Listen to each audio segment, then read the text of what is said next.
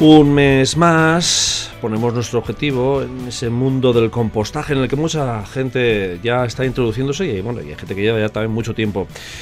Eh, esa obtención de un buen abono orgánico, partiendo de nuestros residuos, eh, bueno, de casa, del hogar, ¿no? Los, los buenos, y para ello está aquí, ya lo habéis ido a sentir, a nuestra compañera Merche Miguel, gestora de Calla Ecogestión.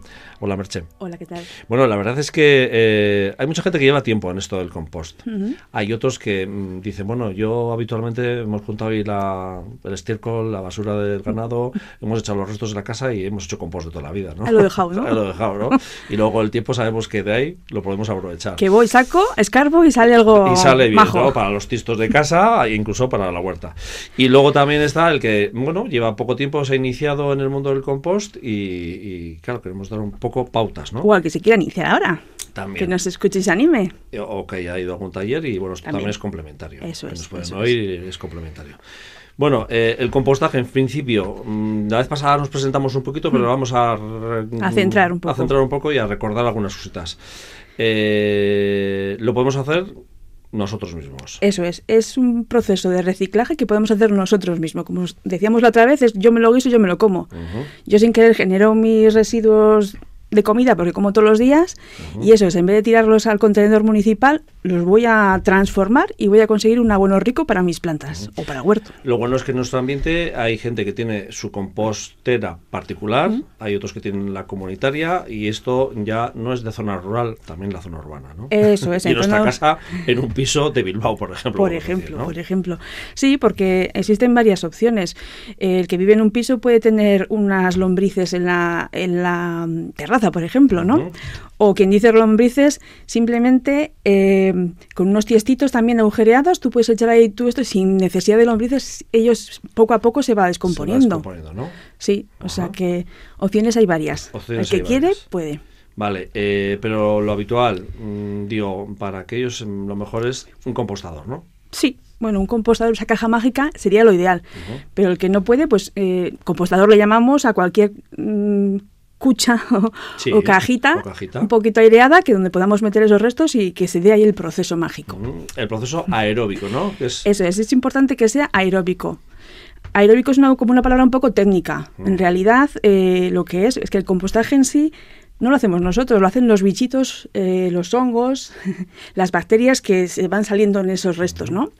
Entonces, para hacer un buen compostaje lo que necesitamos es pensar como un microbio, yo les digo a, los, a las icástolas ¿Cómo? cuando voy a enseñarles.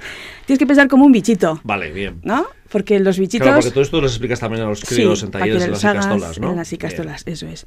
Al final nosotros, mm, un bicho que necesita un sitio donde vivir, que va a ser nuestra compostera, Dale. nuestra caja mágica. Ahí vamos a, vamos a alimentarle, ¿no? Que serían nuestros restos orgánicos. Eh, igual que nosotros comemos y ellos también beben. Entonces necesitan hidratarse, necesitan agua. Pero lo más básico de todo, necesitan respirar. Vale. Igual que nosotros. De ahí viene la- el proceso ¿no? aeróbico. Bien. ¿Qué pasa que si no hay aire? Pues que es un proceso anaeróbico, sin aire, sería una metanización, olería mal.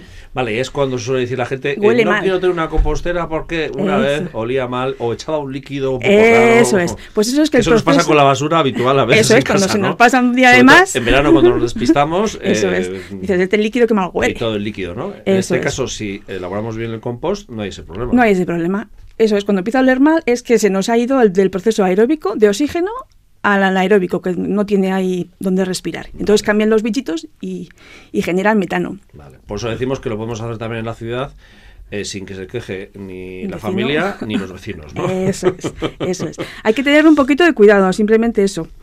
Pensar como un microbio. Y luego, pues, eh, controlar cinco parámetros, por así decirlo. Venga, ¿cuáles son? Claro, si yo meto una naranja que se me ha quedado un poco pocha entera. Pues le va a costar un, un montón de tiempo descomponerse. En cambio, si la troceo en cuatro gajos, pues ya se va a acelerar un poco el proceso. Vale. Esos bichitos y, y bacterias le van a atacar más rápidamente. Entonces el proceso también se va, se va a aligerar, porque si yo cada día añado un poco, pues al final se me va, se me va acumulando, ¿no? Acumular, sí. Y ahí es cuando ocurre que igual ese oxígeno se pierde y empieza a oler mal. Empieza a oler mal. Y además la naranja sí es verdad que luego tiene un olor un poco... Sí, es más ácida, más entonces más fuerte, ¿eh? Digo, cuando, cuando el proceso no Sí, es sí, sí. correcto. Entonces eso sería el tamaño de controlar un poquito. Si lo cortamos, mejor. Luego, si la gente ha ido a talleres o busca manuales en internet, habrá oído hablar de la relación carbono-nitrógeno. Que muchos. ¿qué es eso? ¿Qué es Sí, eso? sí, eso no tengo ni idea yo. ¿No tienes ni idea? No. Uy, uy. Pues hay veces que nos hablan del material verde. ¿Tampoco sabes lo que es? Sí, sí. Ah, el verde, el orgánico o el nitrógeno, esas son las tres palabrejas que se usa para llamar a, a la materia orgánica, a los restos. Vale. Y por otro lado, si recuerdas el otro día comentábamos que hace falta unos materiales que hagan estructura para Sí, esto del oxígeno, el estructurante. A esos estructurantes se les llama marrón, carbón o seco. ¿Vale? O sea, a veces que oyes hablar de esas palabrejas, pues se refieren a eso. Vale. O bien a la materia orgánica o bien a esas partículas más duras que hacen su función de estructura. Vale, eso Vale. es algo que lo sé, pero no lo sabía no con lo esa practicas. terminología. Sí, no lo practico, pero no, no vamos con carbono y nitrógeno, Ah, simplemente vale. que sabes, ¿no? Porque lo has Sí. realizado en tu día a día, en tu labor en el caserío, ¿no? Por Claro. ejemplo. Sí, sí que a veces es innato, ¿no? Te viene ahí Innato, y sí. no sabes por qué. Sí, y de hecho alguna vez, pues eso que sé, en casa también te dicen, eh, tienes que darle vuelta a eso porque no...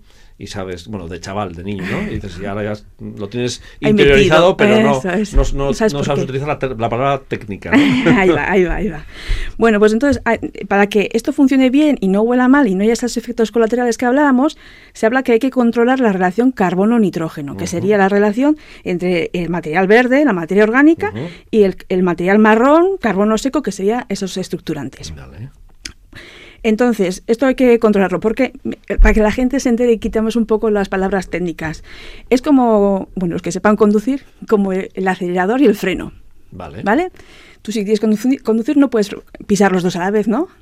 Sí, Si pisas el acelerador, eso el coche se te va a toda leche. sí. Pues eso sería pisar el acelerador en el compostaje sería que nos pasamos añadiendo material verde, añadiendo restos de comida. Vale. ¿Vale? Ahí hay demasiado nitrógeno y eso es como, uff, se va. Empieza a salir el lixiviado, esos líquidos, que empieza a haber... Se fermenta, ¿no? Que solemos Sí. decir. A veces como que, fe- que ha fermentado la, la basura, como Eso es lo que decís antes, cuando se nos pasa un poco la, la bolsa en el cubo, ¿no? Que ahí tenemos demasiado orgánico. Vale, Eso es como pisar el acelerador. vale. En cambio, si nos hemos pasado echando estructurante, hemos pasado echando ramas o hojas o lo que sea, y hemos echado poquita materia orgánica, ¿qué pasa? Que el proceso se frena. Vale. Se frena y entonces los bichitos necesitan, le hemos dicho, comer. Comer. Y ahí no, no tienen más que aire. Vale. Vale, o sea entonces- que ahí tenemos igual habitualmente un exceso de eh, aportar materia verde y nitrógeno, ¿no? Eso es. Normalmente a la gente se le olvida, va, echan sus restos orgánicos y se va. Y se va. Y lo que tenemos que acostumbrarnos es cada vez que echemos orgánico, hay que echar material marrón. Vale. ¿Vale? Para, para crear esas cavernas dentro y que haya oxígeno, que es un marrón proceso. son ramas. eh, Eso, triturado, serrín, hojas ahora que viene el otoño, Por ejemplo, muy bien. paja o lo que veamos así. Vale, vale, ¿Vale? Perfecto. Bueno, pues ese, la relación carbono-nitrógeno es la segundo parámetro así un poco a controlar, que es bastante importante si no queremos tener esos olores y demás. Vale. Que se relaciona mucho con la humedad. También importante, claro. Eso es.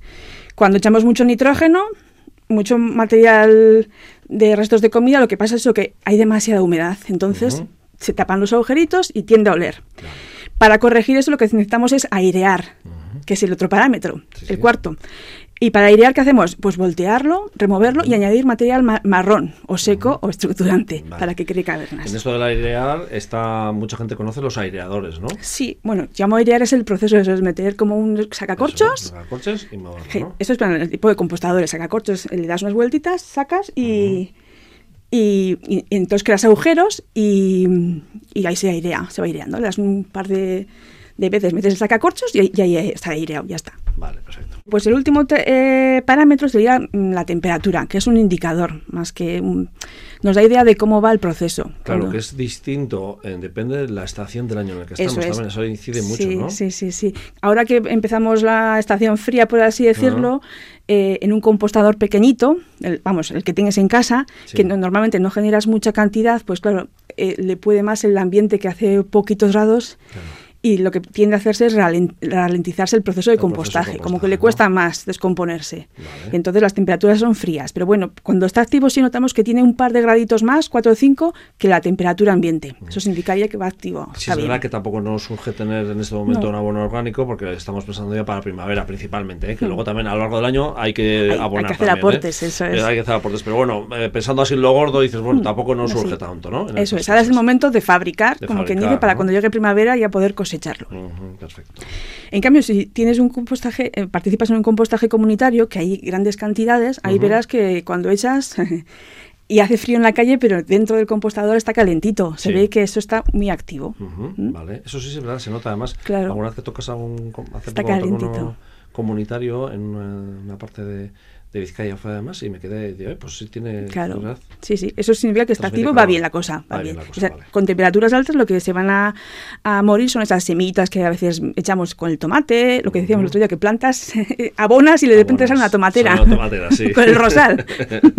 pues con temperaturas altas esas semillas se mueren, o deberían morirse y, sin más. Y, también las bacterias nocivas se mueren, se higieniza un poco, pero bueno. esta es una época en la que seguro que muchos de nuestros oyentes estarán haciendo el compost más o menos bien, porque la materia nitrógeno verde la tenemos en casa, evidentemente, que es el residuo orgánico que sobra, y luego, pues entre que tenemos hojas en el entorno de casa, eh, o las plantas de casa, o, los restos de la huerta. O los restos de la huerta, que ahora hay que, bueno, es la época en la que también se retira todo, ¿no? Y, aparte que ya entran las heladas y es cuando. Eso es, se muere todo, se Muere, entonces, eso, todo eso va al compostador, y entonces entonces, ahí hay como esa, esa relación la mantenemos bien.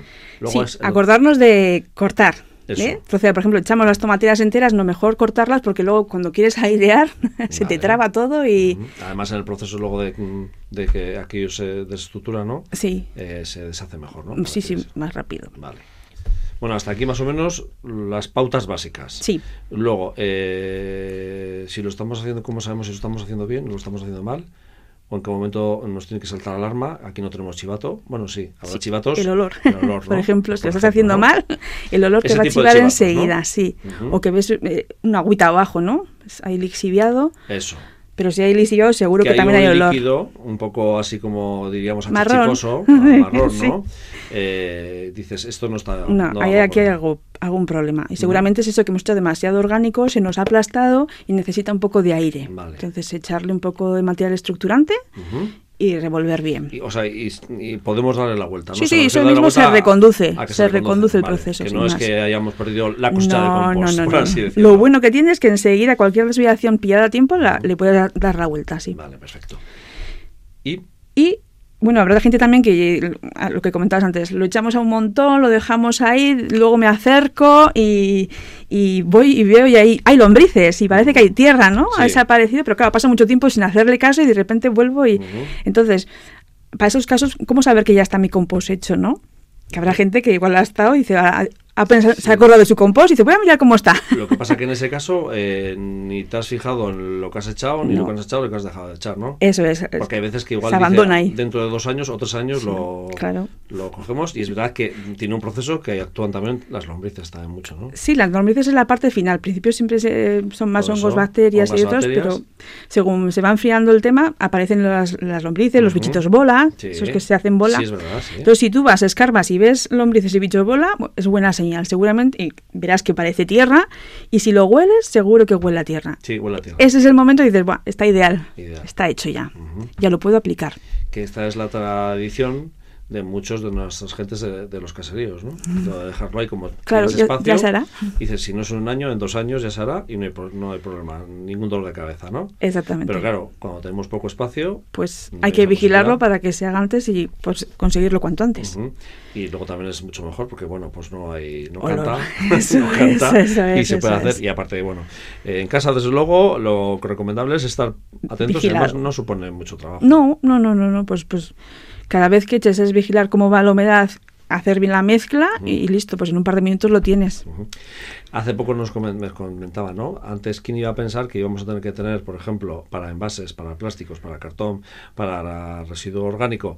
Eh, dice, y ahora además tenemos que hacer el compost. Y dice, pues igual, igual que ha entrado eso poco a poco en nuestras vidas, lo del compost es otra fase más y no nos quita mucho trabajo. No, trabajo no, y encima tiene beneficio, porque luego lo aplicas en tus plantitas y ves tus plantas. En tus plantas o en tu jardín eso o es, en, tus frutales o en el huerto. Cada uno que lo como quiera. bueno, pues hasta aquí esas pautas eh, de Merche Miguel, responsable de Calle Ecogestión.